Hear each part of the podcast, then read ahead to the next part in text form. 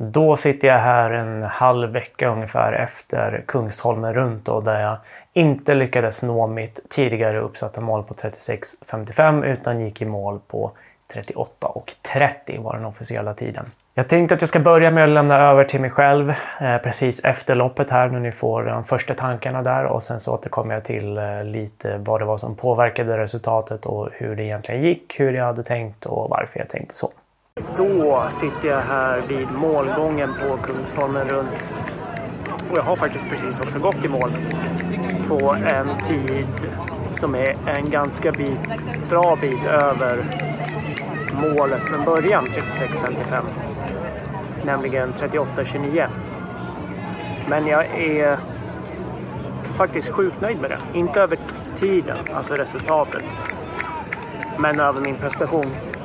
För att jag hade som mål i morse då när jag skulle starta att om jag lyckas anstränga mig så mycket som jag kan och faktiskt få ut det mesta av mig själv för dagen så är jag nöjd.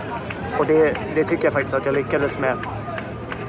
Jag gick in med den inställningen och kände flera gånger under loppet att så här, fan vad trött jag är alltså. och alltså mot slutet var mina ben så stumma som de aldrig har varit på ett, ett 10 km lopp.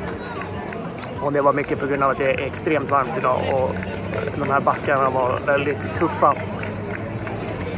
Men jag slutade inte och jag slog inte av på tempot utan jag körde på på ett sansat men ändå liksom ansträngande sätt. Så att jag, är, jag är sjukt nöjd.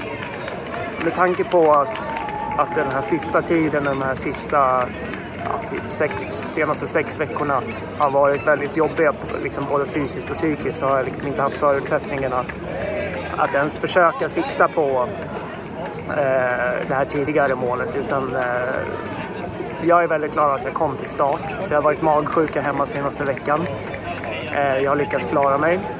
Så att jag är glad att jag är här och att jag lyckades genomföra det här på ett bra sätt. Och det jag har lärt mig av allt det här är att eh, ett, Gör inte massa vloggar om saker som du ämnar göra. Typ man, blir, man blir väldigt naken på så vis. Och två, tagga ner med satsningarna. Livet i sig är tillräckligt jävla jobbigt så behöver jag inte hålla på och utsätta mig för andra vansinnigheter. Nej, jätteglad att det här är över. Nu ska jag nog inte springa mer på ett ganska bra tag känner jag. För att jag är så sjukt trött på det. jag, vill bara, jag vill bara träna för att det är roligt nu och det ska jag försöka göra. Så där hörde ni, jag var ganska nöjd med min insats ändå. Och eh, det jag hade gjort här var egentligen då att jag hade tänkt att jag skulle ha en tokpositiv split. Vi pratar här om pacing, alltså hur jag skulle lägga upp mitt lopp eh, fartmässigt eller tempomässigt och hur liksom, jag skulle försöka utnyttja mina resurser till max. Så när man pratar om pacing så brukar man prata om antingen en positiv split och då innebär det att man då springer den första halvan snabbare än den andra halvan. Man kan prata om en negativ split, då springer man den andra halvan snabbare än den första halvan. Eller då en jämn pacing där man då håller i princip jämn tempo genom hela loppet. När man pratar om maraton och sådana här grejer då, då, är det alltid liksom en, en negativ split som man är ute efter man försöker alltid börja relativt konservativt och sen så springa då andra halvmaratonet snabbare än det första. När man pratar om 10 kilometer så visar forskningen snarare att det är bra att försöka hålla en så jämn fart som möjligt. Alltså att man försöker hålla samma, samma tempo i början som på slutet då, så att inte tappa så mycket. Det man ofta ser dock är att man får en, liksom en, en hängmatteformad pacing kan man säga. Alltså att det börjar liksom väldigt högt Sen så går det ner och så håller man sig på en ganska jämn nivå genom loppet och sen så går det upp på slutet. Så det blir som alltså en hängmatta då, som sitter mellan två träd. Sådär. Eh, och det var lite det man såg på mitt lopp då, även om det var liksom, man säger det andra trädet på hängmattan, den som var mot slutet av loppet, var ganska mycket lägre än, än det första. Då. För att jag fick som sagt en, en tok-positiv split, det lyckades jag med. Så det jag gjorde var att jag gick ut väldigt hårt och sprang på liksom 3.30 tempo lite drygt de första två kilometrarna. Sen gick jag ner på ungefär kanske 3.45 och sen så låg jag någonstans kring 3.50 där Eh, resten av loppet. Så det blev liksom en ganska mycket långsammare andra halva än första halvan. Och det här var ju liksom då min tanke att jag faktiskt skulle göra. Och tanken här var ju då att jag skulle, få, att jag skulle göra det då för att få ut så mycket som möjligt av mig själv. Och det brukar jag få om jag inte fegar för mycket. Så när jag sprang mitt testlopp där, premiärmilen, då gick jag ut på ett ganska långsamt tempo och sen så tänkte jag att jag skulle höja lite på slutet. Blev ingen riktig höjning på slutet därför att jag har ganska svårt att göra det egentligen. Alltså, det, för mig är det ganska mentalt svårt att faktiskt pusha mer när jag är trött än när jag är pigg. Och då blir det ofta att jag bara i stort sett håller det här ganska beskedliga tempot då, som jag satt upp sen tidigare. Så det är lättare för mig att liksom tömma det mesta i början och sen bara försöka bibehålla det mot slutet. Och det var det jag lyckades med här då.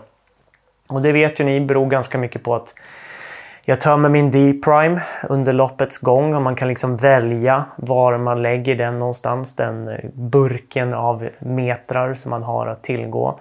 Så man ligger ju ganska mycket under sin critical speed under ett 10 000 meters lopp. Men under valda delar, antingen då man springer upp för en backe eller fartökningen i början eller om man gör någon fartökning på slutet eller sådär.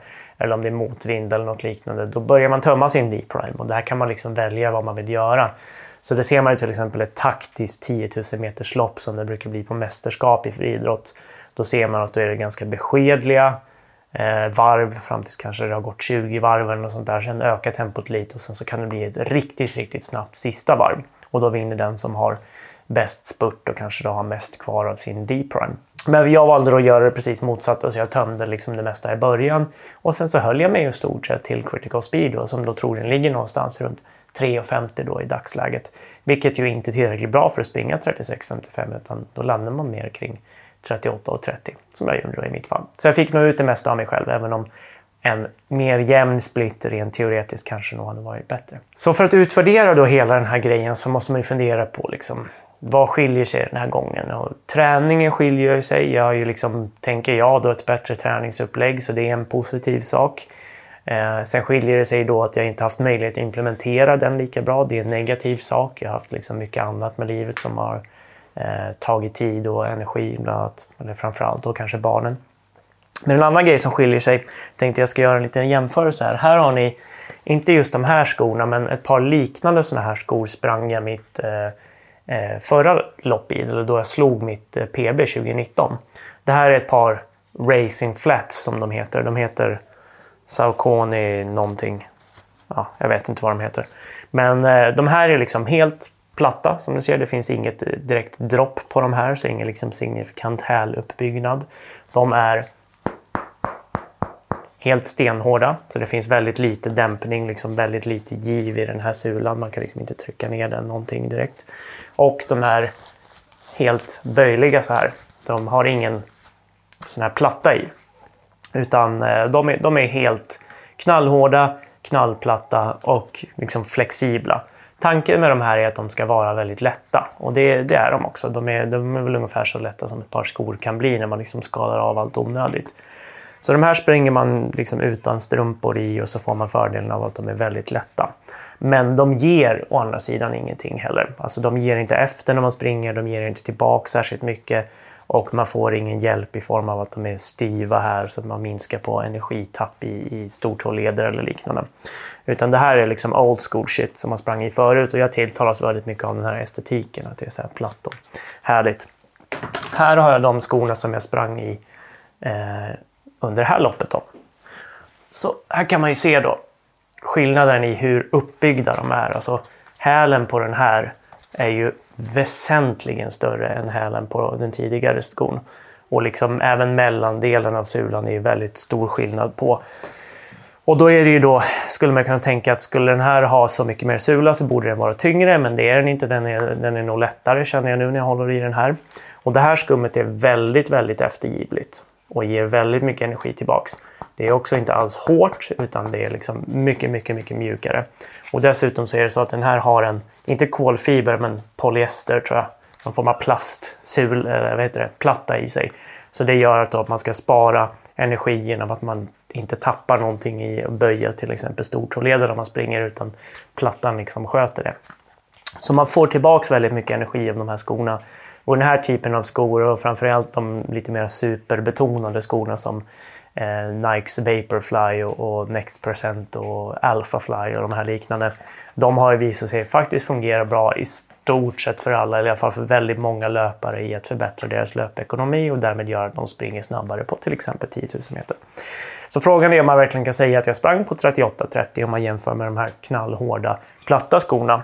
Så kanske det var snarare ett 39-lopp eller någonting, vad vet jag. Eh, jag skulle inte kunna springa i de här platta skorna idag utan jag skulle verkligen behöva en period när jag vande mig vid dem. Eh, så det hade absolut inte funkat att göra en direkt jämförelse idag utan eh, nu är det som det är och därför blir det liksom väldigt svårt att jämföra resultaten och det är ju någonting som eh, man har sett i även på elitnivå då, att det är svårt att säga springer de verkligen fortare idag eller är det ganska mycket skorna som gör det? Jag lutar mot att i alla fall skorna spelar roll. Och det gjorde de nog även i mitt fall. Så lite svårt att utvärdera exakt hur bra mitt träningsprogram var. Eh, jag har ju utgått väldigt mycket från principer som jag skriver om i min kommande bok då, Spring Smart som förhoppningsvis kommer i början av juni. Eh, som jag kommer att sitta och vifta med här och eh, göra reklam för på alla sätt. Eh, och förhoppningsvis så kan andra få mer lycka av den än vad jag troligen fick då eftersom jag har haft svårt att i alla fall utvärdera mitt resultat. Men nu är jag väldigt glad att det här är över som jag sa i, i min lilla rapport från loppet där och nu ska jag ägna mig åt annat istället. Vi ses och hörs när vi gör det.